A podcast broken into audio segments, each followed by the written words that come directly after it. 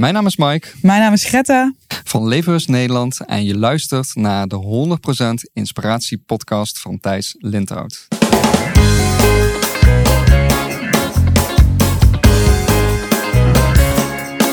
Hey, wat goed dat je luistert. Hij staat weer voor je klaar. Je wekelijkse dosis inspiratie is weer daar. Allerleukste gasten geven al hun kennis prijs. Met je veel te blije host, hij praat je bij. Zijn naam is Thijs. Thijs, Thijs, Thijs, Thijs, Thijs. 100% Thijs. Yes, welkom bij deze episode met Mike en Greta van eh, Leefbewust.nu. En dit, eh, deze episode zou zomaar eens eh, een, een dik succes kunnen worden, want we gaan het hebben over een onderwerp waarvan ik gewoon weet dat jij dat fantastisch vindt. Want dit soort afleveringen gaan altijd door het dak qua luister- en kijkcijfers. Ehm, we gaan het hebben over een holistische kijk op eh, geluk en gezondheid. Nou, waar halen Mike en Greta die holistische kijk vandaan? Zij hebben eh, afgelopen vier à vijf jaar als nomaden rondgereisd eh, over de hele wereld. En ze hebben overal ja, in alle hoeken en gaten hebben ze, zijn ze op zoek gegaan om meer te leren over natuurlijke geneeswijzen, over plantmedicijnen, over Ayurveda, over shamanisme en meditatie. En dat koppelen zij nu in hun platform Leefbewust.nu eigenlijk in hun visie wat gaat over vier pijlers. Of het nu gaat over geluk of gezondheid, dat heeft altijd te maken met deze vier dingen, namelijk eh, mentaal, eh, emotioneel fysiek en spiritueel. Nou, en hoe die vier elkaar beïnvloeden, hoe die elkaar versterken, eh, daar gaan we het in deze episode over hebben. Bijvoorbeeld wat je kunt doen met emoties. Eh, moet je die er laten zijn? Moet je die juist analyseren en het een plekje geven? Hoe ga je om met emoties? En de positieve emoties, dat weten we allemaal wel, maar je hebt ook jaloezie, je hebt ook angst, je hebt ook boosheid, je hebt ook frustratie, eh, je hebt ook stress, je hebt ook verdriet, et cetera. Dat vind ik heel tof dat we het daar uitgebreid over gaan hebben. Tot slot, ga naar thijslindhout.nl slash bewust. Want daar staat en een giveaway voor je klaar. Dus je krijgt sowieso een giveaway. En we gaan ook nog onder een aantal van jullie wat tofs verloten. Wat? Dat is nu nog niet bekend. eh, maar ik weet dat het tof gaat zijn. Dus check thijslindhout.nl slash bewust. En tot slot, voor premiumleden, voor jullie, mijn lieverds, eh, gaan we een, ehm, hebben een video opgenomen met een ademhaaloefening. Die we ook live in die eh, in, de, in die video doen. Dus je ziet eh, Mike, Greta en mij live de ademhaaloefening met jou doen, zodat we jou erbij begeleiden. Dus dat is voor jou als premium lid. Wil je dat ook? Check even ikwilpremium.nl. Dan ben je ook premium lid en krijg je meteen toegang tot deze content. Voor nu eh, staat gewoon een dikke vette episode voor je klaar. Dus geniet van een holistische kijk op geluk en gezondheid van Mike en Greta. 100% Thijs. Nou Mike en Greta, Hey. hebben jullie er zin in? Zeker. Ja, ja, ik, eh, ik kijk er heel erg naar uit. Het is, eh, het is voor ons echt fijn om nu weer in Nederland te zijn, zodat we dit soort dingen kunnen doen. Ja, tof. Ja. Want dit hing al lang in de lucht. Ik zou die misschien via, via Skype of, eh, of FaceTime of Zoom interviewen. En ik dacht, nou, het is wel leuker om dat gewoon hier te doen. Dus Mhm. Ja, ja, Ja, op ik, dat moment waren we in Thailand. ja. In semi-lockdown. En ook denk ik eh, vanwege corona druk naar Nederland gekomen. Niet per se. Oké. Nee, nee. Nee, wij zaten echt heel relaxed op een, eh, op een eiland in Thailand. En we konden daar langer blijven. Ja. Maar we voelden wel na 2,5 maand ongeveer dat dat het voor ons tijd was, ook zeker met onze bedrijven in Nederland, om gewoon hier te zijn. En dichtbij bij de mensen te zijn. En ook gewoon te ervaren wat er hier nu daadwerkelijk allemaal leeft. Dus dat is de reden geweest. Maar het is wel grappig, want je zit op een tropisch eiland in Thailand. En wat wij merkten dus, alle mensen, alle toeristen, die gingen weg, die vertrokken. Dus wij bleven daar, dus het eiland werd steeds rustiger en relaxter. En echt momenten gehad dat je gewoon op het strand zit. Er is niemand, echt gewoon je privé-eiland. Ja. Dat is wel geweldig. Ja. Ja. Echt heel mooi. En, en jullie zijn echt vier jaar lang non-stop op reis geweest. Mm, Of niet dat- per se vier, niet non-stop. Wij zijn in eh, 2016 zijn we vertrokken. 2016. Ja, en we hebben echt in het begin een een jaar lang non-stop gereisd. Ongeveer drie dagen eh, op een plek en dan weer verder reizen. Uiteindelijk 17 landen eh, doorkruist. En dat is heel intensief. Het is super intens en bijzonder om dat allemaal mee te mogen maken. Maar het, het put je ook ergens uit. Want Ja. ja, je bent continu aan het reizen. Dus daarna hebben we besloten om het rustiger aan te doen. Dus bijvoorbeeld een aantal weken daar en dan een aantal maanden daar. En eh, zo zijn wij nu uiteindelijk 4,5 jaar eh, op pad geweest, inderdaad. Maar dan blijf je wel in het buitenland. Als je zegt een paar weken daar, een paar maanden daar. Ja, vooral in het buitenland. Maar we zijn ook af en toe teruggekomen naar Nederland. Ja. Vanwege ons bedrijf, ja. En jullie, jullie zijn ook samen, neem ik aan? Ja. Of niet? Ja. Al eh, 14 jaar. eh, Ja, ja, ja. ja, ja. Dus business en privé eh, samen. Ja. Ehm, oh, ja, heb je dan toch niet soort van een beetje heimwee of zo? Want je, je hebt dan niet je, je vaste vrienden en je vaste huis en je omgeving. Hoe is dat? Mhm. Nou, ik vind het aan één kant ook wel weer lekker. Om gewoon, wij merken op het moment dat we in, of op Bali zijn of op Thailand, het is een beetje onze tweede thuis geworden. Voelt het ook wel heel veel vrijheid. In Nederland heb ik ook wel het gevoel dat er heel veel verplichtingen zijn. En eh, een agenda zit ook zo weer vol. En om gewoon elke dag op te staan en zoiets te hebben van, wauw, is een bladzijde die, die gewoon helemaal opnieuw geschreven kan worden, voelt ook wel heel lekker. En dat geeft ons ook wel de vrijheid om vrij te kunnen creëren. Ja. En dat is ook wel iets waarvan wij gemerkt hebben dat we dat nodig hebben. Omgeving is niet alles, maar het is wel belangrijk. En in een omgeving waar wij ons goed voelen, kunnen wij ja, zo vrij en zo gemakkelijk creëren.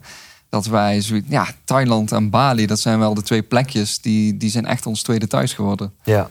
Het is ook wel zo, ehm, op het moment dat je gaat reizen, dus wij, we, zijn, we hebben echt gekozen om alles achter ons te laten.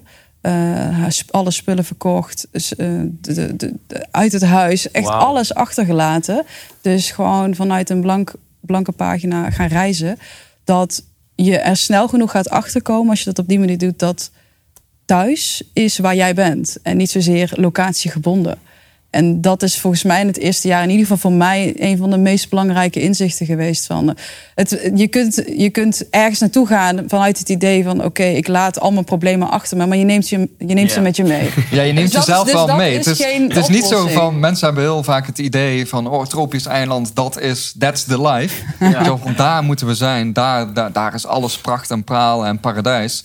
Maar alle shit die je in Nederland hebt, die, die heb je ook in, op een tropisch paradijs. Het is niet zo dat die in één keer als sneeuw voor de zon verdwijnen. Dat ineens al je trauma's en issues ineens eh, nou, ja. weg ja, juist, juist komen Ja, ze die naar komen boven. juist omhoog. Als je dat. Kijk, er zijn mensen die gaan reizen en die gaan dan die gaan alleen maar drinken en feesten. Nou, dan ben je dus nog steeds aan het onderdrukken. Maar er zijn ook mensen, en dat, dat was in ieder geval bij ons zo. Wij zijn echt op een zoektocht gegaan naar vrijheid, naar geluk. En ook naar een manier van leven die voor ons meer past. En daarin zijn we erachter gekomen dat het dus, dat het dus heel verruimend werkt om te gaan reizen. Als je ook de confrontatie met jezelf aan durft te gaan. Ja, want zou je misschien kunnen stellen dat hier in het gewone leven heb je heel veel afleiding. Dus kun je lekker al je gevoelens suppressen, onderdrukken, Mhm. negeren. En, en op, op vakantie, op reis, is er eigenlijk meer vrijheid en meer ruimte dat je gaat voelen wat je te voelen hebt. En wat er in je Juist, omgaat. juist. Ja. Nee, Ik vind altijd een mooie voorbeeld ook van mensen die ziek worden op het moment Ja. dat ze met vakantie gaan. Ja. Dus ook het fysieke krijgt rust, het fysieke krijgt uiting. Maar dus ook het emotionele, het trauma Ja. wat er nog zit. Ja, als er niks meer is, dus je, je kan je niet... Weet je wel, er is geen agenda waar je dagelijks aan vast hoeft te houden. Ja, dan geeft dat wel ruimte om ja, emotionele shit, om dat naar boven te laten komen. Als je Ja. daar ruimte aan geeft en durft te geven. En, en, en hoe doe je dat? Dat je je overal... Want Jason Mraz, die zingt erover in het Mhm. liedje Living in a Moment. Wherever I'm going, I'm already home. Ja, nou precies dat. Heel mooi. Ja, ja, ja. Kan je, kan je mij dat leren? Of we jou dat kunnen leren, nou, dan zou je op reis eh, moeten gaan. Nee, maar het is op het moment, jij zegt, ehm, eh, wat belangrijk is, is natuurlijk hier hebben, als je in Nederland blijft als Nederlander, dan heb je je afleidingen. Maar je hebt ook je comfortzone. En het gaat erom dat je uit je comfortzone stapt. En reizen kan daar een onderdeel van zijn. Maar er zijn zoveel manieren om uit je comfortzone te Ja. stappen. En ik denk dat dat het allerbelangrijkste en de eerste stap is. Omdat je dan gaat groeien, je gaat verruimen, je gaat verkennen. En je komt in je stretchzone terecht. Ja. En in het onbekende. En onbekend is vaak onbemind. Maar op het moment dat je je daarin bevindt, dan wordt er ook iets in je wakker wat heel erg. eh, het geeft heel veel energie omdat je nieuwe dingen leert. En ik denk dat dat de eerste stap zou zijn. Dat echt gewoon uit je comfortzone stappen. Het is heel simpel, maar het is wel eh, heel relevant. Nou, ja. moeilijk ook. Het is niet iets wat je zomaar doet. We hebben natuurlijk allemaal zelfherhalende gedachten, bepaalde patronen, conditionering. En daar, daar, ja, dat vraagt wel iets om daar in één keer uit te stappen. Om in Ja. één keer iets compleet anders te doen wat je nooit eerder hebt gedaan. Ja, en ik ben dan ook heel benieuwd, gewoon even heel praktisch. Eh, bouw je dan overal ook een soort van sociale circle op? Dus maak je daar vrienden of, of blijf je samen in je kokonnetje, zeg maar? Hoe doen jullie dat? Nou, we hebben niet echt een grote sociale circle. We hebben een vrij kleine inner circle. Maar wel we hebben mensen waar we ja, ook echt contact mee hebben. Eh, op reis is dat natuurlijk wel minder. Ja. Maar dat vluchtige, wat, wat ik heel mooi vind, wat wij allebei denk ik. Op reis, we hebben het idee als mensen aan het reizen zijn dat ze veel opener staan. Ja. En, en, en een gesprek aangaan. En, en over zichzelf kunnen vertellen wat, wat ze misschien thuis nooit eerder zouden, zouden doen. Ja. En die gesprekken, die momenten met vreemden eigenlijk, die zo profound, zo diep kunnen zijn, ja, is zo mooi. Dat maakt het reizen juist zo mooi. Dat je gewoon random iemand tegen kan komen. Je zit aan een tafeltje en iemand vraagt, oh, mag ik erbij komen zitten? Is al zo open en dan je gaat het gesprek aan en er komt zo'n mooi gesprek uit. Dat is voor mij, dat maakt Ja, het en die zijn er zoveel. Het is, het is, wij staan wel heel erg open ook voor dat soort contact als we Ja. reizen. En ja, je er zijn zoveel situaties gebeurd die je bijna niet kan bevatten. In ieder geval wij niet, zeker ook in het eerste jaar. En waar je in één keer in terecht kunt komen, puur omdat je je flow aan het volgen bent. Kijk, wij hadden niet een, een plan of zo van wij gaan nu reizen en dan gaan we daar en daar en daarheen. We hadden wel een idee, een visie, maar uiteindelijk laat je je leiden in het moment. Want je hebt ook nergens meer na- naartoe te gaan of zo. Ja. Er, is geen, ehm, ja, er is geen volgende stap. De volgende stap wordt bepaald in het moment. Ja. En dat heeft ons naar, naar hele indrukwekkende ervaringen toegebracht.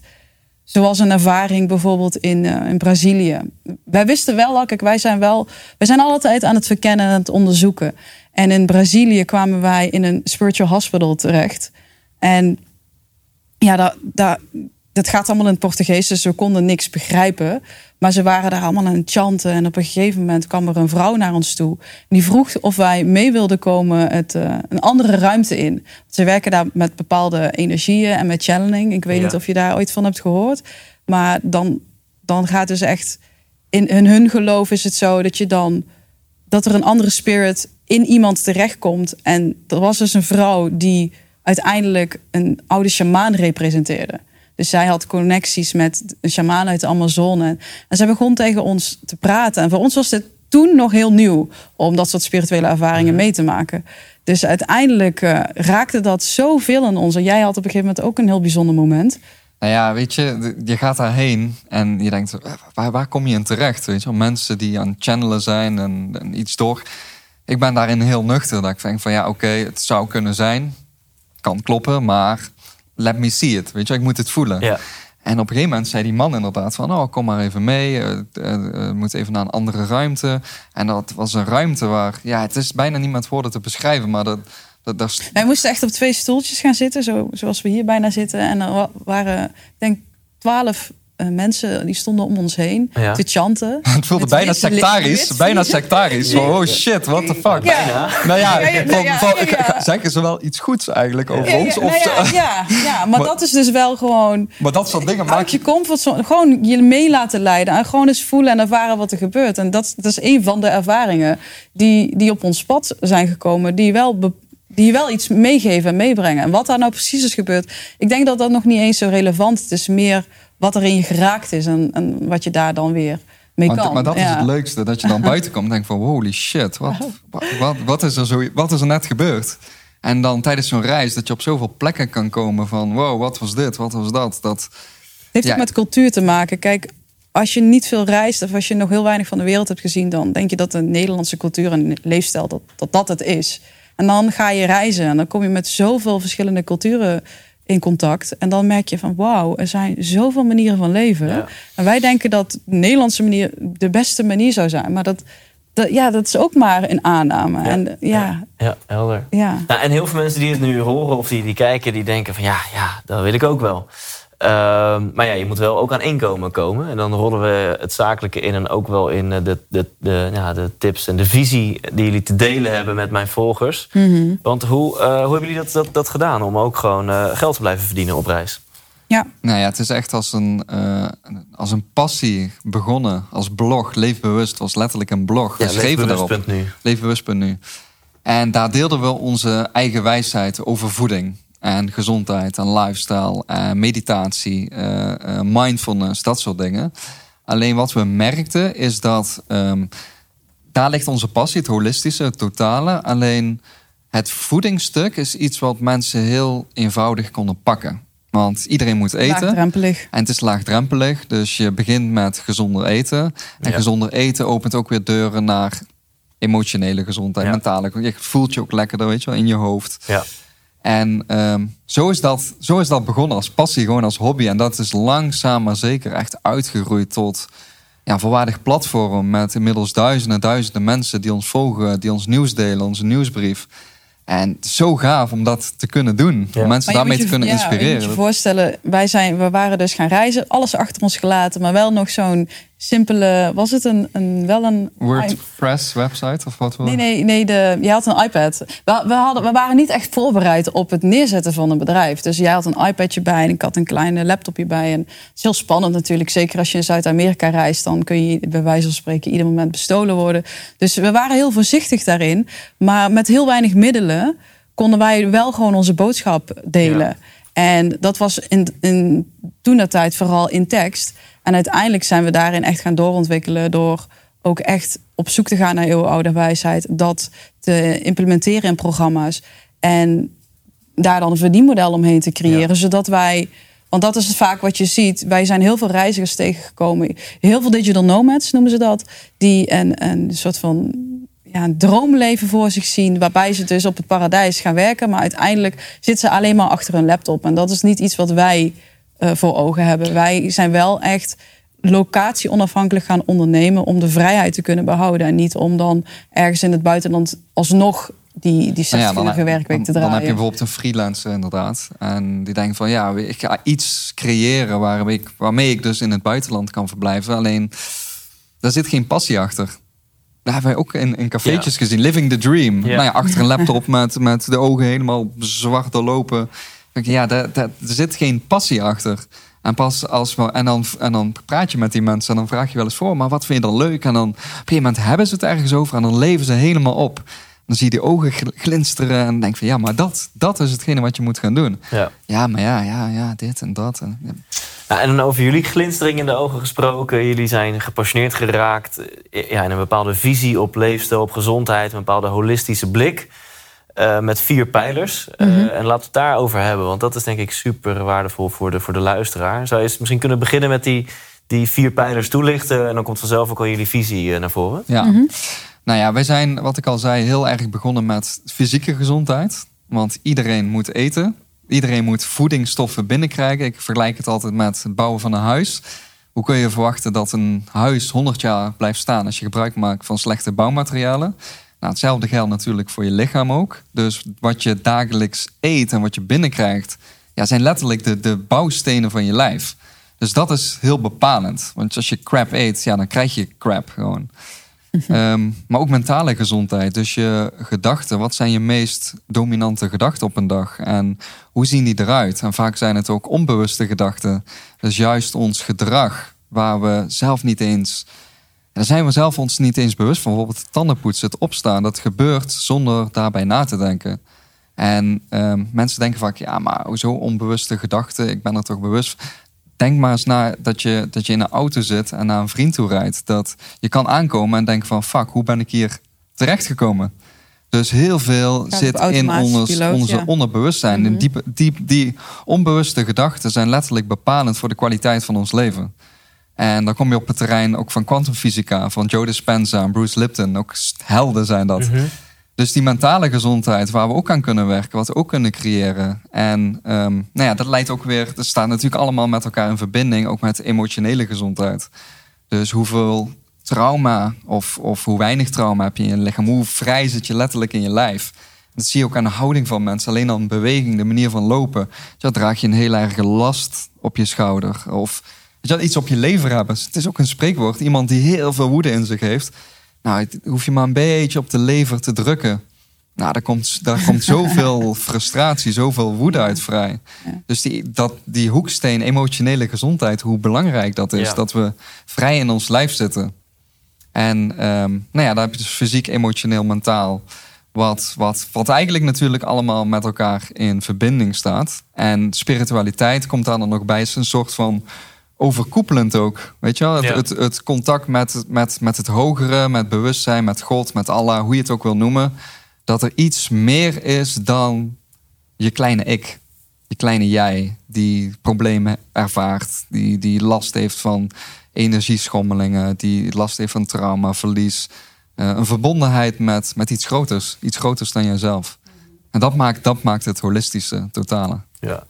En wat zou nu iemand die, die, die luistert, die denkt van nou, dat klinkt super inspirerend al, die, die vier gebieden. Je hebt het, eh, het fysieke, het mentale, het emotionele en het spirituele.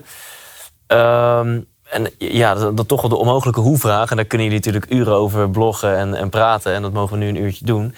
Eh, eh, hoe, hoe, hoe zorg je dat het... Nou, laten we het over balans hebben. Hoe zorg je dat het in balans is? Want, want ja, het is heel makkelijk om je inderdaad alleen maar te focussen op voeding. Ja. Is het Ja. gebiedje waar je het meeste directe controle op kunt uitoefenen. Dus dan zit je lekker aan je kokosnootwater en je, je doet een beetje sporten. En eh, misschien let je nog een beetje op je nachtrust. Maar dan ben je eigenlijk alleen maar op dat fysieke aan het letten. Dus hoe, hoe zorg je voor, voor balans in die... eh, Ja, wat, wat wij vaak adviseren is ook om echt te gaan starten met eh, detoxen.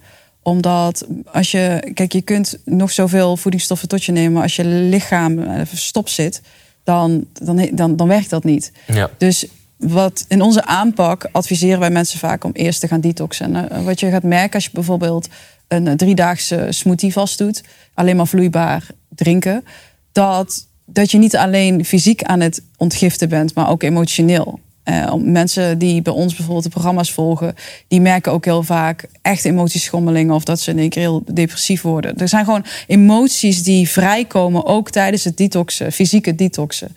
Dus daarom is het zo dat in ieder geval in wat wij uitdragen, je nooit alleen maar één spectrum aanraakt. Je bent altijd ook emotioneel of mentaal bezig. Ja.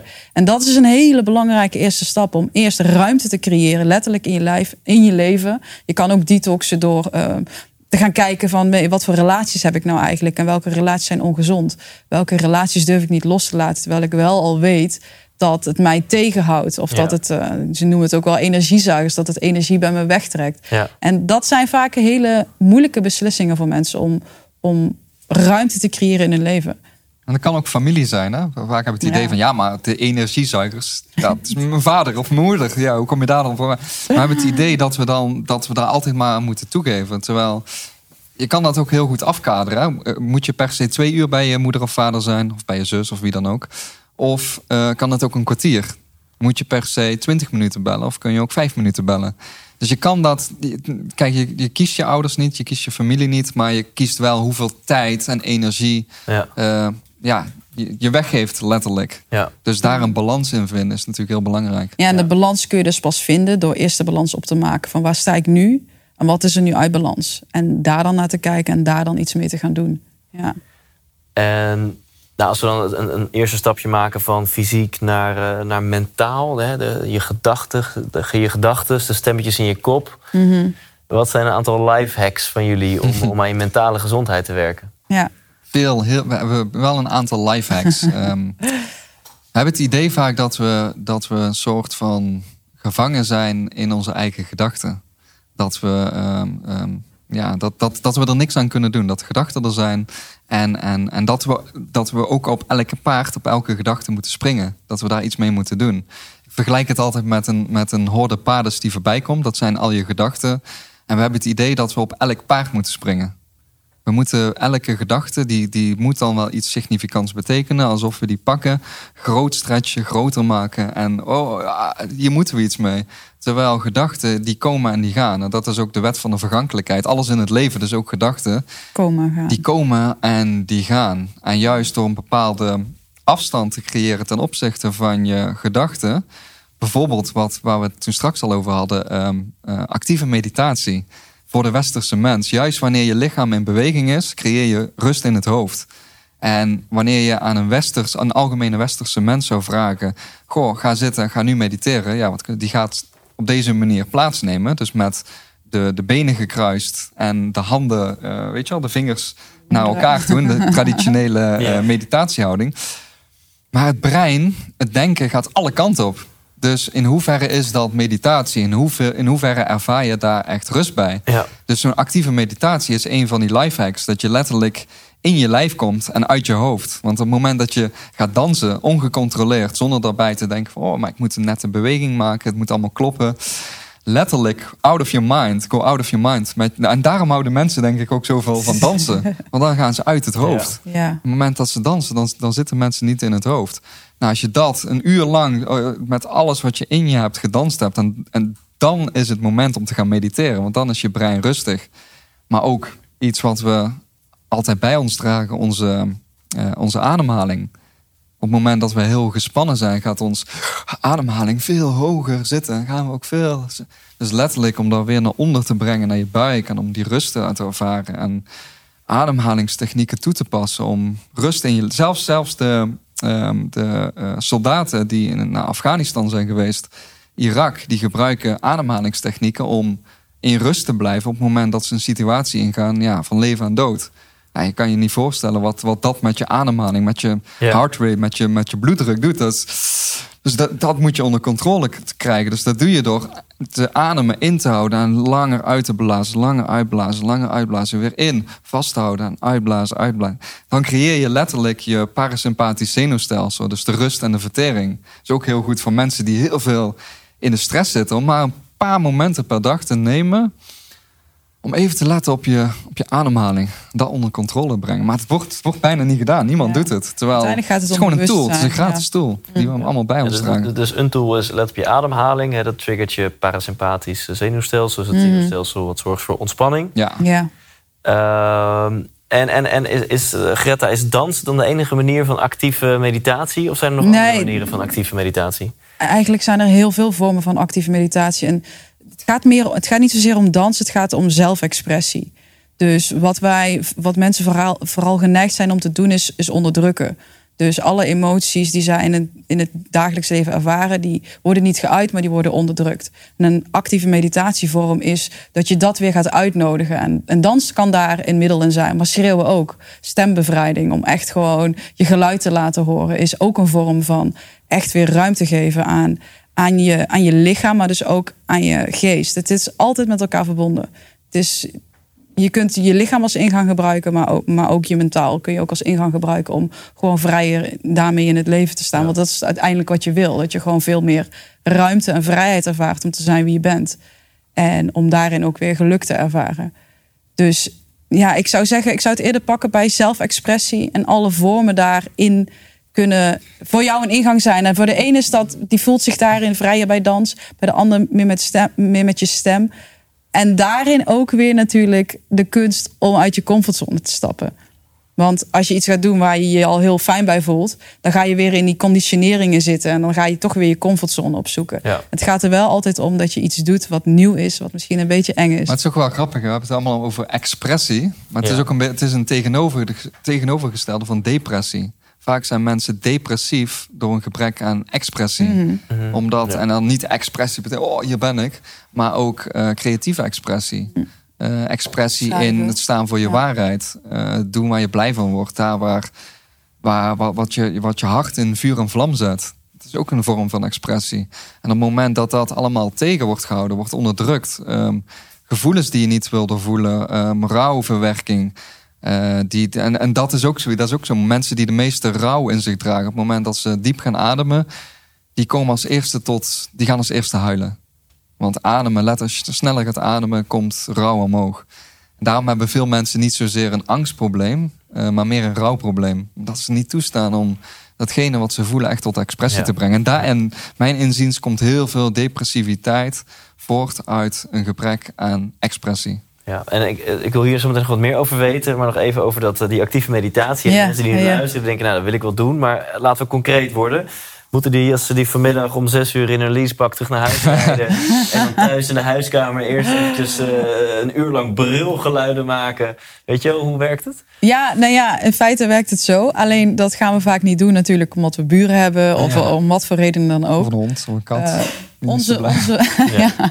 Nou ja, sommige mensen hebben het misschien het geluk dat ze ergens in de natuur of in het bos wonen. Of die gaan naar het bos toe en doen het daar. Die voelen zich daar wat vrijer in. Maar wat wij zelf doen is wij eh, creëren één keer in de zoveel tijd echt een space. Dus we huren een ruimte af en gaan dat met mensen zelf ervaren. En ehm, ja, ik, ik, ik kan daarom dus mensen echt uitnodigen om eens te kijken wat er op dit moment al wordt aangeboden daarin. Omdat het heel bekrachtigend werkt als jij het met meerdere mensen doet. Ja. Want als je het alleen doet, dan, dan Zit voel een je... rem, ja, zit er toch wel een rem op je Ja, ja, of juist niet, want je bent alleen. En op het moment dat je met andere mensen bent, dan ga je je weer aanpassen. En daar gaat het allemaal om. We, zitten, we denken allemaal dat we ergens aan moeten voldoen. We zitten allemaal in een keurslijf en in een soort van please-houding en gedrag. Van, oh, als ik, eh, als ik echt mezelf zou zijn, dan, dan eh, ben ook ik niet goed genoeg. En daarom is het wel heel krachtig om het in, het in een groep te ervaren. Want dan kun je dus zien dat we allemaal als mensen dat in ons dragen. Dat we allemaal een beetje moeite hebben met ons kwetsbaar opstellen. Maar als we dat dan samen doen, dan, ja, dan gebeurt er gewoon iets. Dus gewoon magie in de Ja. lucht. En dan. Zijn er nog instructies? Moet je aan bepaald iets denken of moet je gewoon staan en... Dus Ja, nou, wij werken vaak met de Osho-interventies. Ehm, en hij heeft echt programma's ontwikkeld van, of een meditaties ontwikkeld van, van een uur met bijvoorbeeld vier fasen. En één daarvan is de, ik ben even de naam, hoe heet dat ook alweer? De dynamic meditation. Dynamic. Ja. En, en daarin ga je de eerste tien minuten ga je heel ongecontroleerd ademhalen via je neus. Vervolgens, dus je bent dan aan het opladen. Dat voel je ook gewoon. Je voelt dat je energie in je lijf gewoon, je gaat het heet krijgen. ook een beetje high worden. Je- een beetje ja, ja. high of, of duizelig inderdaad. En wat je aan het doen bent, is je bent je energie aan het opladen. En vervolgens, dan hoor je een bel of iets. En dan ga je 15 minuten compleet uit je De dag. catharsis. Dus dan maar alles wat je in je draagt, mag je loslaten. Want je kan wel een space creëren van... hé hey jongens, leuk dat jullie er allemaal zijn. Begin maar met schreeuwen. Ja, ja, ja. En dan, Ja. ja, dan gaat iedereen er staan. Maar dan ben je, dan ben je helemaal schoor, man, na 15 minuten schreeuwen. Ja, maar het Dat, hoeft niet... kan, ja. eh, kan maar het is een catharsis. Het, is, het hoeft niet per se schreeuwen te zijn. Maar juist die adem, maar eigenlijk Het elke kan ook fase... springen zijn, het kan ook kruipen, rollen over de grond. Alles wat er in de. In, alles mag. En, Ja. en, en te- voelen dat alles mag. En Ja. daar ook voor te kiezen, daar gaat het om. Ik heb, ik heb er helemaal zin in. Ja, het is zo gaaf. Komen. Maar het is, Ik zou nu. Ja, maar ook in de auto creëer je ook een confined space, weet je wel? Dat als mensen, Ja. ja, maar dan horen mijn buren het of mijn vrouw die boven ligt, dan Ja. denk ik oh. Maar in een auto kun je al een space creëren om alleen al te schreeuwen. Hoeveel mensen die ik spreek die al tien jaar niet geschreeuwd hebben. Ja. En vooral in spirituele kringen merk ik Ja. dat, dat er een heel erg een oordeel ligt op woede. Weet je wel, dan, dan, eh, er zit zoveel in het lijf. Weet je, Kursla, ik ben die mediterende, de lieve vrouw, de spirituele vrouw, of man in dit geval. Maar er hoeft maar iets dit gebeuren en de labiliteit, die, die, die komt er zo uit. Onderdrukte emotie. En dat is allemaal onderdrukking. Ja. Terwijl ik denk van, ja, maar laat, oh, we- weet je wel, we, zijn, we hebben alle emoties in ons. Dus ook woede, Ja. dus ook verdriet. En Maar dat het is mag ook allemaal het kind zijn. in jezelf weer uitnodigen. Dus Ja. het is, het is, het is Ja, maar als enerzijds- kind, als kind word je nog word je, word je uitgenodigd bij één of twee jaar van Ja, ja. spreek, laat Ja. iets horen totdat je drie of vier jaar bent. En dan is het hou je mond, ga zitten, stil zijn. Dus we krijgen letterlijk, worden we geleerd ook, om, om terug te deinzen, om te leren van ja, ik moet stil zijn. Ja. En merk ik ook met kinderen, kind, juist de kinderen die gepest worden, zijn de kinderen die ouders hebben die heel erg zeggen hou je mond dicht, ga zitten.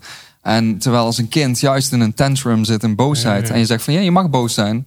Laat maar zien, laat maar horen. Je, mag, je krijgt je zin niet, maar je mag boos zijn. ja. Die, die worden weerbaar. En Ja. die kroppen het niet op, want die hebben geleerd van ja, ik mag mijn. eh, eh, ik mag expressief zijn. Wat er in me leeft, mag ik uiten. Nou ja, de- de- hier ging mijn volgende vraag over. Want ik ben heilig van overtuigd dat het, dat het gelukkiger maakt om je gevoelens te voelen. En om die er te laten zijn. En dat het onderdrukken Mm. van gevoelens.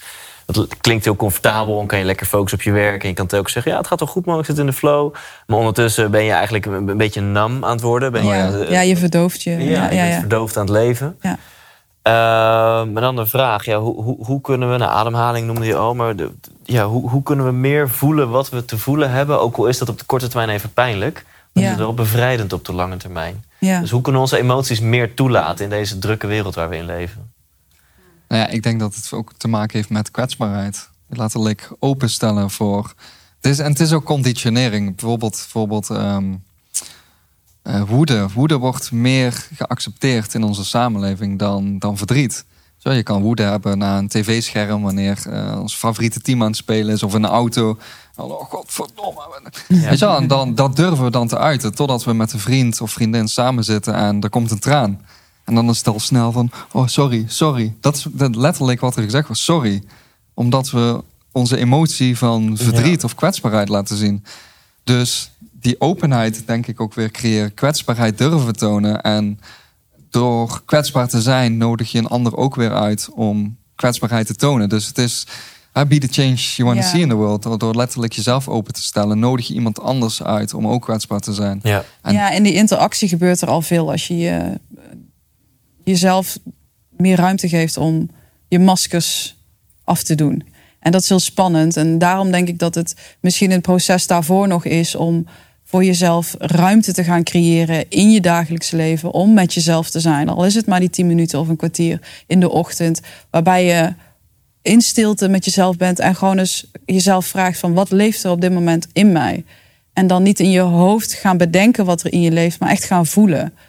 Gewoon je, je energie, je aandacht naar je buik toe brengen. En dan voelen van, oh, wat voel ik in mijn buik? Wat, wat voel ik in mijn hart? En gewoon echt dat contact weer maken met, met je lichaam. En daarom zelfexpressie is ook een vorm van je- jezelf uit je hoofd in je lijf halen. En daarmee ook meer naar je hartsenergie toe. Want als we gewoon weer veel meer in verbinding staat met onze harts, hartsenergie, dan ga je echt merken dat, dat je zoveel intelligenter en wijzer bent dan, dan je denkt dat je bent. Mensen leven vaak echt afgescheiden. Ze voelen zich vaak ook alleen. En ehm, die afgescheidenheid is een illusie. En we mogen weer terug naar echt die verbondenheid voelen. En dat begint bij jezelf. Als je, je, je mag echt weer helemaal jezelf toestaan om te zijn wie je bent. En ik denk als die acceptatie daar is, Zelfliefde. zelfliefde, dan ga je ook in één keer dat gerepresenteerd ziet in je, in je buitenwereld. Zonder dat daar iets aan hoeft te veranderen. Ja. Maar dan kun je in één keer bijvoorbeeld naar je vader of je moeder kijken. En vanuit veel meer liefde. Puur omdat je meer van jezelf bent gaan houden. Dus dat is wel echt een, een, ja, een- onderdeel die, die het allerbelangrijkste is. Als je echt weer wil gaan voelen. En weer ja, thuis wil komen Ja. bij jezelf. Ja, dat is cool. Dat is heel concreet. Je zegt, ga gewoon eens even zitten en kom eens even thuis in je lijf. Ja, Voel, en ja, voel ja. eens even, maak eens even contact met je buik, met je hart. En zelfs als er dan heel veel gedachten zijn of oordelen zijn, dat dat ook oké is. Ja, Want vaak hebben we dan weer van een verwachting. hè, goed, van, ja. ik, ja, het is niet goed. Het, want het, dat bevestigt weer je zelfoordeel van, zie je nou wel, ik ben waardeloos, ik kan dit niet eens. Ik kan niet ja, ja, eens ja, even of- zitten. Ja, Ja. En dan gooi je eigenlijk nog een schep er bovenop. En daar zijn wij heer en meester in. Om, Ja. En dan om daar ook weer een oordeel te over hebben. Over het feit dat je een oordeel hebt. Ja. Van zie je nou wel. En nu heb ik ook nog een oordeel over het feit dat ik dit niet kan. En ja, zo kom je in zo'n loop terecht. Om, om, eh, en dan gaat het ook weer over aanwezigheid. Over je eigen gedachten en emoties. Wetende dat je niet je gedachten, niet je emoties bent. Ehm, maar dat vraagt wel een bewustwordingsproces. En een loskoppeling, een detachment van... ehm, ik heb gedachten, maar ik ben geen gedachte. Ik ben mijn gedachten niet. Ik heb emoties, maar ik ben mijn emoties niet. Maar dat vraagt wel heel veel bewustwording. Want ja, vertel dat maar eens aan iemand die in, in volle woede of rouw is. Van Ja. ja, ja nee, je bent je emoties niet. Ja. Simpel, mooi, spiritueel eh, verwoord. Maar ik voel het toch? Het is er. Ja. Dus Ja, dat is ja, niet ja. wat Ik zo... merk het ook bij mezelf. Ik bedoel, ik heb natuurlijk al die interviews gedaan en heel veel kennis en heel veel inspiratie opgedaan. En er zijn eh, zat emoties in mezelf waarbij het me lukt. Waarbij je gewoon weet van, hey, even die knop omzetten en even wees de observator van wat er gebeurt. En eh, het gaat al heel snel weg en je kan weer verder. Ja. Maar het zijn ook emoties waarbij ik echt, eh, wat ik ook probeer en hoe, hoe lang ik ook in die lotushouding zit, het Ja. me op, weet je wel. Dus het, Ja, maar het gevaar daarvan is ook, zeg maar, want je zei van, ik, dan, ik hoor dan een observatie, observator, ga eruit. Maar het is soms ook de juiste kunst om er niet uit te gaan, Ja. om te voelen. Om gewoon te voelen en, en daarbij de acceptatie te, te, want te ik- het is vinden. oké dat dit gevoel er is. Ja, want je bent mens en je hebt je ik heb emoties wel gekregen. inderdaad ook weer de verwachting van, nou, ik ga lekker observeren. En ik heb eigenlijk de verwachting dat het gevoel wel weg moet dan. Ja. Ik vind dit gevoel niet dat het er niet Het mag er niet zijn. Ja, ja, ja. Want Maar ik dat is ook met... als je, ja, terwijl als met- je, Oké, doe maar. Ja, wat wil je zeggen? Nee. Nou ja, met basisemotie. Je kan bepaalde woede voelen voor een paar minuten. Maar alles daarna is, eh, zijn gedachten die vasthouden aan de woede om een bepaalde gebeurtenis. Dus ik denk dat het in eerste instantie ook gaat om die basisemotie, om die helemaal toe te laten. En dan niet, niet direct het idee te hebben van, oh, maar ik mag geen emoties hebben, want ik ben toch spiritueel. En hoe kan het nu zijn dat ik uh, een bepaalde emotie heb? Dat kan toch niet? Ik moet dan denken aan een verhaal van een, uh, in een boek wat ik heb gelezen van een guru in India, die uh, meer dan nou ja, duizenden volge volgelingen achter zich had. En zijn guru, dus de guru van de guru, die was overleden.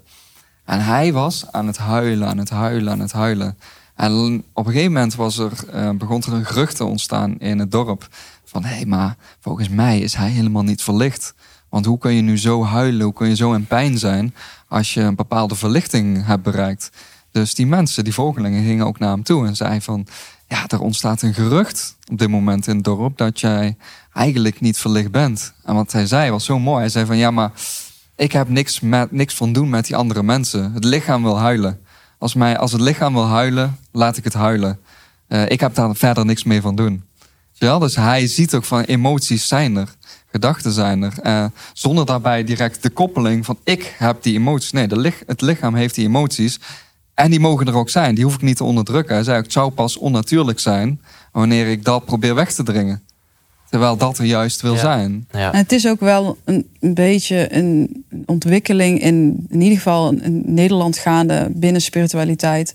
Wat een soort van ideaalbeeld aan het nastreven is. Maar dat is niet wat ware spiritualiteit inhoudt. En ik denk dat dat ook heel veel verwarring kan, kan opleveren. Dat mensen denken dat ze, ja, dat ze ook weer ergens aan moeten voldoen als ze spiritueel willen zijn. Terwijl Ja. spiritualiteit veel meer gaat over eh, alles omarmen wat het moment in zich draagt. Ja. En weten dat het vergankelijk is, dat het komt en gaat. En weten dat wie jij werkelijk bent veel groter is dan dat alleen. Ja, dus stel je voelt een emotie opkomen, hè?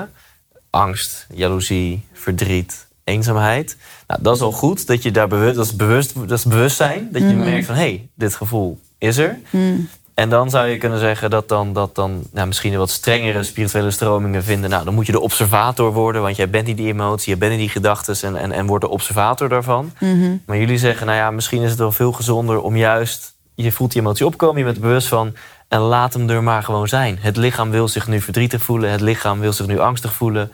Dus laat Maar maar, dat, komen. ja, maar dat het er kunnen laten zijn, is als het ware de observator.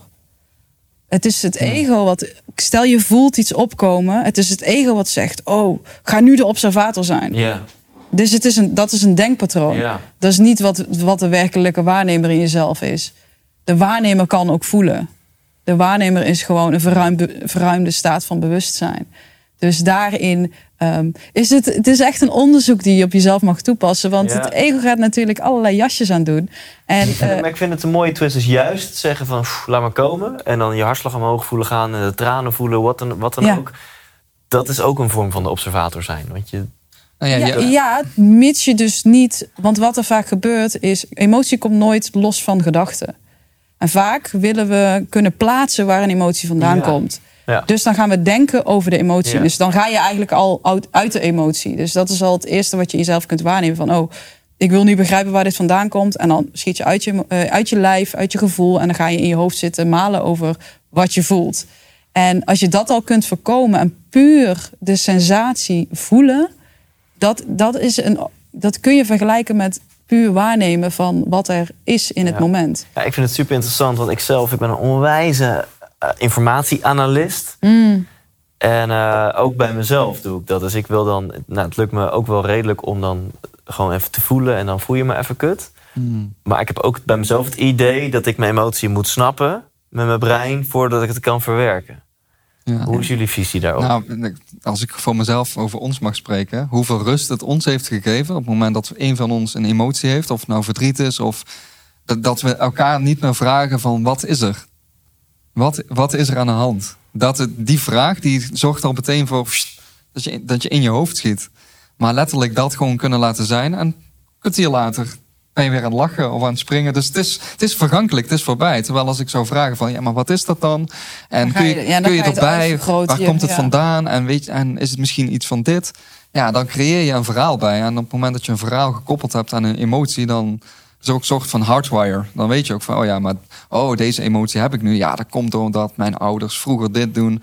Of omdat ik dit trauma heb meegemaakt. Of dit en de, dit, deze, uh, uh, deze manier van denken komt hierdoor. En de, deze manier van handelen komt door dit. En zo kom je in, ja, zo ontstaat persoonlijkheid. Van mijn persoonlijkheid. Ja. En, en ja. Maar als het nou dezelfde emotie is die vaker terugkomt bij een persoon. En of dat nou inderdaad het dus angst is of, of I don't know, faalangst, Mm. verdriet. Ja. Ehm, als het echt een patroon dat, is het dan niet wel waardevol om na een tijdje... Maar ja, ik kan me elke keer weer overgeven aan het gevoel. Maar misschien is het ook waardevol om nu even te weten van... waar komt deze onzekerheid vandaan? Er is ook wel een verschil tussen overgeven aan een gevoel en het gevoel willen vasthouden. Dus daarom is het dus ook relevant om echt een soort van zelfonderzoek met jezelf aan te gaan. Want het is inderdaad niet zo simpel als voel het maar en dan, dan is alles opgelost. Ja. Nee, het, het gaat er meer om in het moment dat je iets omhoog voelt komen, al is het een angst, dat je jezelf toestemming kan geven van het, het mag er zijn. Want als het er niet mag zijn, als je iets wegdrukt, als er iets er niet mag zijn, gaat het juist Ja. nog meer er willen Ja, een zijn. skipjebal onder water Ja, ja precies. Dus, dus je nodigt het uit van oké, de angst mag er zijn. En op het moment, wat er vaak gewoon gaat gebeuren, is dat het daardoor niet zo lang aanwezig is in je systeem. En daarna voel je dus weer dat, het, dat de emotie, ehm, dat kan soms een, een uur zijn, een minuut, soms een dag, dat die weer afzwakt. En dat is dan wel een, inderdaad, vanuit een heldere staat, mooi om terug te kijken en te reflecteren van wat is daar nu gebeurd. Maar dan ook weer alert te zijn, is dat je er geen verhaal van gaat maken. Het ego wil controle, wil verhalen maken. En het wil eigenlijk jou klein houden. Zodat jij kunt blijven bevestigen, zie je nou wel, ik heb faalangst. Of ik ben iemand met faalangst. Of ik ben iemand met dit of met dat. En daarmee wint het ego terrein. En kun jij niet groeien en, in, en verruimen in en als bewustzijn. Dus het is, ja... Je, je zegt, je zegt hele wijze dingen. Je zegt ten eerste van nou, reflecteren is oké, maar doe het op een helder moment. Ja, Dus doe het niet op het moment dat je volop in die emotie zit. ja, Ehm, en je zegt, dat vind ik heel interessant, je zegt het ego wil jou klein houden. Terwijl je juist zou denken, nee, het ego wil juist eh, uniek zijn en significant en groot. En, eh, maar je, kan je dat toelichten? Het ego wil jou klein houden? Ja. Hoe zit dat? Ik, ik, ik snap wat je bedoelt. Want vanuit ego-perspectief is het natuurlijk... als je heel veel status en erkenning krijgt, dan ben je groot. Alleen vanuit, als je vanuit een bewustzijns hoger perspectief komt... dan weet je wat het is om vrijheid te ervaren en echt vrij te zijn. En dat gaat voorbij aan je persoonlijkheid en aan je, aan je ik-identificatie. Ja. En ik denk dat het daarmee te maken heeft dat wanneer jij dit pad bewandelt van leefstijltransformatie, wa- waar het vaak mee begint, en vervolgens voel je van hé, hey, maar er is meer en ik ben meer. En ik, ik voel dat er. ehm, al, het moment dat je al realiseert dat je niet je gedachte bent, Ja. dat is interessant, want dan. Wie, waar komen die gedachten dan vandaan en wat betekent dat? Wie ben ik dan? Wie is die waarnemer die naar die gedachten kan kijken? En dat is voor mij een ingang geweest om te gaan onderzoeken ehm, wie en wat bewustzijn is en wat ik in mij draag. En als je daarin stapt, dan voel je je zoveel ruimer en groter dan je je ooit hebt kunnen ervaren als persoon. En vandaar de uitspraak dat, dat ik dus daardoor kan zien dat het ego wil me in een kader houden. Mm, Het ja. wil me in een vorm gieten, daar waar ik eigenlijk vormloos ben en oneindig Ja, dus potentieel. het ego wil er een label plakken, wil er een verhaal van maken. Eh, En dat willen andere mensen ook, Ja. zodat ze kunnen plaatsen van eh, En- Thijs is deze persoon ja, en die gedraagt zich zo. En, en dat is juist eigenlijk jezelf klein houden, want het is veel groter om die vormloosheid en die vrijheid te Ja. En als jij iemand bent die een diep verlangen heeft om vanuit dat volle potentieel te leven, dan, ja, dan ga je daarmee te maken krijgen. Dan ga je met die begrenzing te maken krijgen die het ego continu wil bevestigen in jou. En dat kan door, eh, door je emoties zijn, dat kan door bepaalde gedachtenpatronen zijn. Dat, ja, dat, dat, is, eh, dat is heel divers en complex soms ook. Maar het is de kunst om de, de simpliciteit en die, dit complexe verhaal misschien zelfs ook te vinden. Ja. En dat is echt nog veel simpeler dan je denkt. Ja. Ja, ja.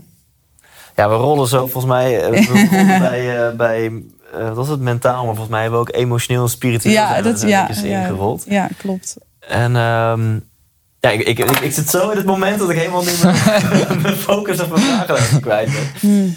En la- laten we dan afronden, het laatste, nou, laatste stuk van dit, dit, dit gesprek, het interview, met, met dan weer eventjes de, het, het totaalplaatje te pakken. Want we zijn ons nu helemaal verloren in het, in het spirituele stuk, zeg maar. Ehm, ja, ja, hoe, hoe komt wat jullie betreft alles samen, zeg maar? En dat je dus voorkomt, waar ik ook al eh, aan het begin van het interview mee begon... dat je voorkomt met alleen maar kookzoutwater drinken... En, en, en, en dat je ondertussen eigenlijk helemaal niet werkt aan je mentale en Ja, ik- spirituele ontwikkeling. Ik denk dat dat ook de reden is geweest dat wij heel bewust als ingang voeding kiezen. Dus Ja. detox, ontgifting, gezonder gaan eten. Ehm, omdat je eh, letterlijk meer helder van geest wordt.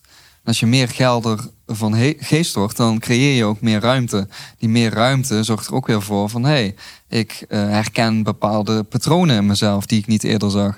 Eh, bepaalde relaties waarvan ik nu inzie dat ze toxisch zijn of juist heel goed zijn. Ja.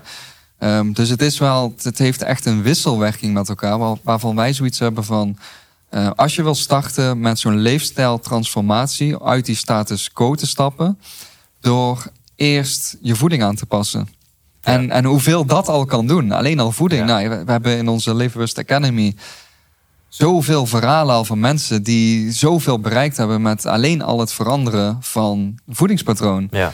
En daarin ook niet heel dogmatisch te zijn. Want mensen vragen ook van, ja Mike, wat is nu het meest ideale manier van eten? Ja, die is er niet. Die is voor iedereen afhankelijk. Afhankelijk eh, of op basis van waar je staat en wat je nodig hebt. Hoe ziek je, ziek je bent, hoeveel toxines je hebt. Dus daar zoveel factoren zijn daarmee gemoeid. Dat er niet één manier van eten is. Ja. Maar er zijn natuurlijk wel basisregels waarvan je weet, nou, als je dit doet, dan is ziekte een logisch gevolg. Ja. Ja. Dus En dat is ook wel iets wat wij continu proberen uit te dragen. Het, eh, ja, je, je draagt de echte wijsheid in jezelf. En natuurlijk is het relevant om van buitenaf informatie op, eh, op te nemen en, en de dingen te leren, zo'n programma te ondergaan. Maar neem het niet aan alsof dat de hoogste waarheid is. Jij draagt de wijsheid in jezelf en jij weet, en je lichaam geeft je ook signalen continu in ieder moment, wat voor jou het beste is. En je kan het ook simpel verwoorden als het volg je hart. Volg ook echt wat je hart je ingeeft. En dan er, is als het ware al een pad voor jou, ligt er al klaar. Het pad van jouw hoogste potentieel. Alleen jij weet welke stappen daarin te zetten. Dus informatie van buitenaf is goed, kan heel veel inspireren en richting geven. Maar er komt een moment waarbij je echt jouw eigen ingevingen als eerste prioriteit mag gaan plaatsen. Want anders blijf je in de molen van altijd maar denken dat het buiten jezelf te vinden Ja. is. En dan kom je er nooit. Maar dat is ook het vreemde. Ik, eh, die kan je vertellen van kokoswater is heel gezond. Nou ja, elke dag kokoswater. En elke dag, oh, ik heb zo'n buikpijn. Zo'n buik, maar het, ja, het is wel gezond. En de- ja, weet je wel? Dan, en de oude indianen, die vonden dat wij daarin zijn doorgeslagen. Dat we veel te veel uitgaan van eh, geleende kennis. In plaats van geleefde kennis. Mm. Dus heel erg op basis van wat autoriteiten ons vertellen. Ja. En dat is ons een beetje ook met de paplepel ingegoten. Van autoriteiten vertellen ons hoe wij Ja. moeten leven. Ja. Terwijl we veel meer uit mogen gaan. En dat is wat wij ook uitdragen van geleefde kennis. Ervaar het zelf. Voel, doorvoel wat het doet. En als, dit, als, als, als jij signalen van je lijf krijgt van buikpijn, constipatie, eh, noem het maar op. Ja, weet dan dat, het, dat, dat je een verkeerde richting op gaat. Ben jij 100% veganistisch aan het eten? Slaap je goed? Sta je goed op? Eh, heb je heel de dag volop energie? Ben je blij? Geen energieschommelingen? Ga daar dan mee door. Ehm, maar komt er een moment dat dat in één keer verandert, blijf je dan dogmatisch vasthouden aan dat voedingspatroon, omdat je denkt dat dat het meest ideaal is. Of wanneer je in een keuken staat en er wordt een, een visje of een, een biefstuk gebraden en je gaat helemaal watertanden, durf je dan toe te geven aan de signalen van je lijf, weet je wel? Dat, dat, het is een dynamisch. Het Ja, ja en is- ik vind het ook wel een interessante paradox. Want wanneer zijn de signalen, de impulsen van je Ja. lijf... wanneer is dat hashtag trouw aan jezelf en Ja. geef je dan over? En wanneer is dat een korte termijn eh, eh, verlangen, hoe heet het? Korte termijn verleiding... ja, ja, ja. Die, die eigenlijk gewoon, heel, die gewoon een verslaving is, die Ja. slecht voor je is, weet je wel? ja. Er zijn ook daar, daarom is het dus wel relevant om gewoon echt eh, informatie op te doen. Om echt te verdiepen in bepaalde thematieken, zoals gezondheid of holistische gezondheid of voeding. Er is ook echt wel een basislijn wat gezond is en wat ongezond is. De- maar, maar het is ook wel zo dat we... We hebben nou nu eenmaal ongezonde voeding. Maar bijvoorbeeld een craving, een constante craving naar eh, chocolade... kan een heel duidelijk signaal zijn dat je magnesiumtekort hebt. Ja. Dus het lijf is zo ingenieus. Dat weet van, oké, als ik dat beetje chocolade binnenkrijg, krijg ik in ieder geval iets aan magnesium binnen. En er zit ook suiker in en dat werkt op de beloning natuurlijk. Dus dat, dat is, gaat, gaat onze voorkeur naar uit. Maar als je magnesiumlevels echt op peil zijn, geloof me, dan zul je veel minder cravings hebben in chocolade. En eh, heb je weer heel veel cravings in bijvoorbeeld eh, chips. Nou ja, zoute chips is vaak ook een signaal van een natriumtekort. Ja. Eh, zouttekort heb je het idee dat zout heel slecht is. Ja. Maar zout hebben we juist nodig. Een kwart kilo in ons lijf bestaat uit zout. En als we zweten is het zout, onze tranen zijn zout. Zout hebben we ook nodig. Dus er zijn inderdaad bepaalde ehm, voedingstekorten die kunnen leiden tot ongezonde eetpatronen. Ja, ja. Nou, als we dan toch bij lifehacks aanwezig zijn. Tony Robbins leerde mij een keer... als je na het avondeten een craving hebt voor zoet... dat heb ik eigenlijk altijd. Na het avondeten wil ik gewoon chocola. Ja, Hij zegt, neem dan eerst eens een paar slokken kokosnootwater. Ja, ja. En dan- Ja. dat helpt zo goed. ja. Dan, eh, dan is die craving echt eh, Nou ja, heel of snel weg. Water, er is zelfs een heel boek geschreven. Ehm, Ik ben de naam even kwijt van ehm dokter. Nee, ik ben de naam kwijt. In ieder geval, de essentie is: je hebt geen honger, je hebt dorst. Ja. Hoe vaak komt het voor? Oh, ik heb honger. Oh, drink een glas water. Ja. Oh, ik heb geen honger meer. Ja. Zo, we zijn eigenlijk chronisch uitgedroogd. We mogen veel meer Maar water daar zit ook een emotie-eetpatroon achter. Dus Tuurlijk. ja, ja. Maar het makkelijkste is inderdaad gewoon drink dan, drink dan wat water of Ja. kokoswater in dit geval. En dan kun je al het verschil gaan merken. Het is je- jezelf toestaan om te experimenteren met jezelf. Om, Ja. om gewoon eens weer. En wij noemen dat eigenlijk niet eens experimenteren. Wij, nemen dat, wij noemen dat zelfregie. Gewoon om weer de zelfregie in handen te nemen. En echt te weten dat jij je eigen beste dokter bent. Ja. En daarin gaat niet alles misschien perfect. Maar de inzichten die je daaruit haalt, kun je weer implementeren om door te ontwikkelen, om door te groeien. En, Ja, en, en daar gaat het denk ik sowieso over als mens in het leven. Maar eigenlijk is het inzicht der inzichten is eh, luister naar je lijf. Of alle antwoorden zitten in je. En of het nu gaat om, eh, om emotioneel, mentaal of fysiek. Dat, dat je niet zozeer naar de goeroes moet luisteren, maar naar jezelf moet luisteren. Sadhguru, innerlijke guru. Ja. Nou ja, Ja. ik, ik, ik Ja, geloof wel dat, ja, dat ja, wij. nee. ik. Ik, ik leg. Dan mogen Ja. jullie doen. Nou ja, ik denk op een gegeven moment dat kom je tot de realisatie dat, dat, dat je, je je uiterlijke wereld ook je innerlijke wereld is. Dus vanuit non-dualiteit is er geen innerlijk en uiterlijk. Dus wat je dan aan de buitenwe- vanuit de buitenwereld leert, is, is, is ook je innerlijk. Dus vaak hebben we juist die spirituele dogma kan een val zijn. Dat ja, maar ik moet alles van mezelf halen. Ik moet dat zelf leren uit mezelf. Ik heb mijn buitenomgeving niet nodig. Terwijl in essentie is er geen binnen of buiten. Ehm, dat gezegd hebben, is het zeker zo dat, je, dat we, vind ik, veel meer uit mogen gaan van wat ik al zei. ehm, geleefde kennis. Dus letterlijk experimenteren, zelf doorvoelen wat, eh, wat het inhoudt. Soms Wat, komt er bijvoorbeeld een, een, een guru of een teacher of een leraar of docent op je pad. En dan is het heel mooi als jij bijvoorbeeld voor een x-periode volledig kan committen aan die ene teaching. En dan niet continu van, oh wel niet, wel niet, maar gewoon daar volledig voor gaan voor een periode. En dan achteraf gaan kijken van, hé, hey, wat hiervan wil ik meenemen en wat niet. Wat er vaak gebeurt is dat we honderden teachers hebben. En daardoor helemaal in een soort van verwarringsstaat terechtkomen. En dan zou ik zeggen van oké, laat alles los en keer helemaal naar binnen. Maar er is in, in essentie niks mis met, met een teacher of met een guru. En ik bedoel, ook voor ons, wij gaan, wij proberen daarin altijd naar, naar eeuwenoude teachings te grijpen omdat die wel al zo lang bestaan. Ja. En die zijn ook effectief bewezen. Dat, dat, dat vinden wij heel belangrijk. Want er is ook heel veel, net als bijvoorbeeld die, die yoga van deze tijd, is eigenlijk niet wat werkelijke yoga inhoudt. Dus het is, het is misschien ook aan jezelf om daar kritisch in te zijn. Van oké, wat voor informatie wil ik tot me nemen?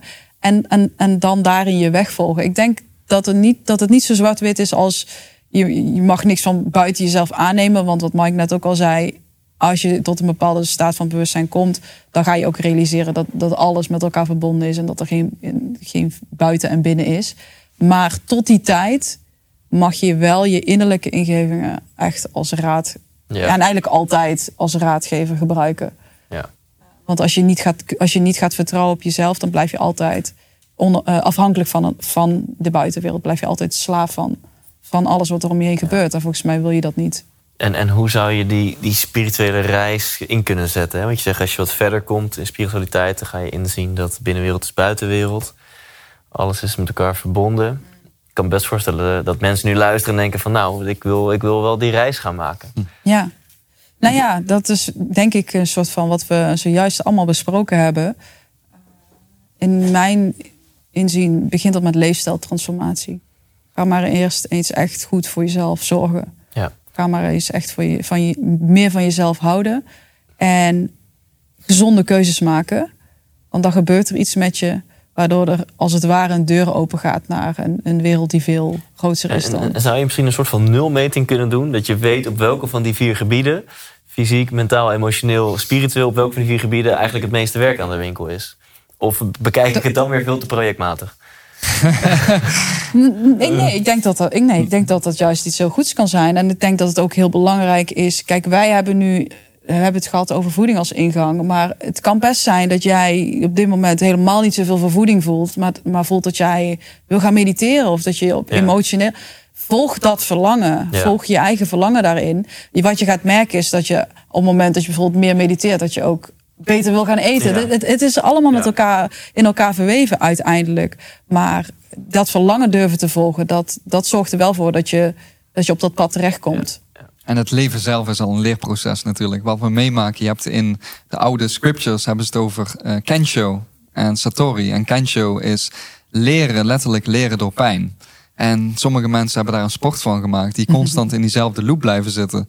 Weet ik veel, zelfde problemen, zelfde eh, werkgevers, zelfde relaties. En constant krijgen ze weer dezelfde les. En dat, dat is een, een les van het leven wat laat zien van hé, hey, misschien is het tijd om hierin een andere keuze te maken. Maar Ja. zolang dat niet gedaan wordt, blijf je dat steeds weer eh weerspiegeld zien in, Ja. je, in je uiterlijke omgeving.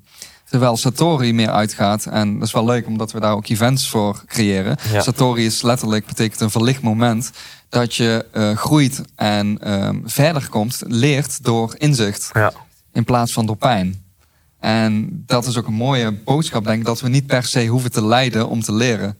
Eh, hoewel dat natuurlijk echt een wake-up call kan zijn wanneer iemand in je naaste omgeving komt te overlijden. Die diepe rouw. Vaak eh, vanuit die positie ontstaat een zoektocht van ja, waar, waar gaat dit allemaal over? Wat is dit dan? En Ja. wat betekent het leven dan als het zo zomaar voorbij kan zijn? En wat de fuck doen we hier? Ja. Weet je wel? Dus ja, ik vind dat zo mooi dat, dat, dat beide kanten van het spectrum. Ja, ik vind het zo'n heerlijke wijsheid of, of, of, of ja, eh, mantra om op te vertrouwen dat eigenlijk het leven eh, presenteert spirituele groei verpakt in uitdagingen en problemen en drempels. Ja. En de persoon in jouw leven die jou nu het meest dwarsboomt of die jij het meeste haat, is misschien gewoon een spiritual teacher. Nou, die is dat is, je, dat is een leermeester. Ja. Zeker, Ja, ja, ja. zeker. Ja. Als je het zo wil zien, dan wordt het leven automatisch al Dan, positiever. dan wordt het al anders. Ja, ja, ja, ja, ja. Want dat is het, dan is het leven niet meer tegen je, maar voor je. ja. Ja, ja. Life is happening for you. ja not against you. Ja, cool. Ehm, nou ja, en over, over goeroes eh, gesproken. eh, dat, eh, jullie bereiken aardig wat mensen ook. Hè? 2 miljoen zo'n beetje maandelijks via al jullie platformen. Ja. Ehm, dus, dus moeten mensen gewoon keihard naar leefbewust.nu gaan... als ze meer over jullie willen vinden. Ja, ja, als ze na het lu- beluisteren van deze podcast voelen van... wauw, ik wil hier wel meer van weten. Ik wil hier vooral ook meer mee doen. Ja. Dan eh, zijn ze welkom via Cool. Ja. Nou, zo dadelijk bespreken we ook nog wel even... of we een toffe winactie of zo kunnen doen. Of een Ja. giveaway. Dus dan Ja. moeten mensen gewoon gaan naar thijslindhout.nl slash bewust. En dan nou, horen mensen zo dadelijk in de outro van deze episode... wat dan allemaal eh, voor hun eh, klaar staat. Ja, Yes. super. Willen jullie vast aan meewerken? Ja, Absoluut. heel graag. Ehm, maar dan tot slot, is er nog een wijsheid die jullie willen delen met de, de luisteraar? Een wijsheid. Nou, ik voelde al heel de tijd de zin dat, dat het niet om de eindbestemming gaat, maar om, om de reis. Ik denk dat natuurlijk is het mooi om een doel of een streven te hebben in het leven. Maar zodra je gaat realiseren dat het uiteindelijk niet om die eindbestemming gaat, maar gewoon de ervaring om daar te komen, dan ben je vrij. Ja, ik denk, eh, ja, dat is eigenlijk een hele mooie boodschap. Ook al klinkt het super cliché. Mhm. Ehm, het weet je wel, afstappen van het idee van eh, bestemmingsverslaving. Dat we Mhm. altijd maar het idee hebben van Ja. als, ik, Ja. als ik zoveel geld meer heb, dan ben ik gelukkig. Als ik zoveel meer volgers heb, dan ben ik gelukkig. Als ik net die baan heb, dan ben ik pas echt Ja. gelukkig. Als mijn kinderen uit huis Ja. zijn, ja, dan ben ik Als de echt verbouwing afgerond is, Ja. ja. Ja, ja. maar zo, als, als, je, als je zo leeft, dan zal, zal het geluk je altijd daar zijn waar, jij niet bent. Ja. Dat, En het is een he- hele heel grote motivatiebron. Het is een gigabrandstof om maar te blijven gaan. ja. Het brandje Maar op. het is, ja, het nemen. brandt je op, mits je, daar, mits je dus je realiseert in het moment, in ieder moment, dat je al volmaakt bent en dat het al Ja. goed is. Ja. Dan wordt het een leuk spel om te spelen. Maar ik denk dat Niet het... meer om iets te halen. Maar dat is ook met werk, weet je. Overal waar wij hebben het ook het volgen van je hart is ook een, eh, een onderdeel binnen onze Leefbewust Academy. Waar het vooral om gaat, is je te focussen op doelen of eindbestemmingen waar je, eh, waar je gelukkig van wordt in het in proces. het moment, ja. in het proces Ja. daarnaartoe. Als jij bijvoorbeeld een, eh, een studie eh, geneeskunde wil behalen, omdat je dat super vet vindt, maar de, het zes jaar, zeven jaar studeren, ja, dat is afschrij, afgrijzelijk. Dat, dat kun je, waarom zou je dat dan doen? Ja. Weet je wel? Het gaat Ja. om het proces. Van als je het proces leuk ik vind het leuk om te schilderen. Ja, uiteindelijk staat er iets op het doek, maar het schilderen, dat, Ja, daar gaat het hem ja, zitten. ja. Daar doe je het Dus uiteindelijk misschien samengevat, leef in het nu en leef voor dit moment. ja. Thanks. Ja, Thanks graag wel. gedaan. Graag gedaan. Thanks, eh, lieve luisteraar of kijker hier op YouTube voor het checken van deze episode. Mike en Greta, jullie ook bedankt. Eh, ga gewoon heel erg snel naar ikwilpremium.nl voor die video waarin we een ademhaaloefening doen. We begeleiden jou en we doen hem zelf ook live in die video. Dus check dat via ikwilpremium.nl. En ga anders gewoon naar thijslindhout.nl slash bewust. Want daar staat en een giveaway en een winactie voor jou klaar. Allemaal met dank aan Mike en Greta. Dus enorm bedankt jullie twee. Check uiteraard ook hun platform leefbewust.nu. Want daar staat heel erg veel content voor jou klaar. Als het gaat om mentaal, emotioneel, fysiek en spirituele gezondheid. En ook geluk. Tot volgende week. Leef intens.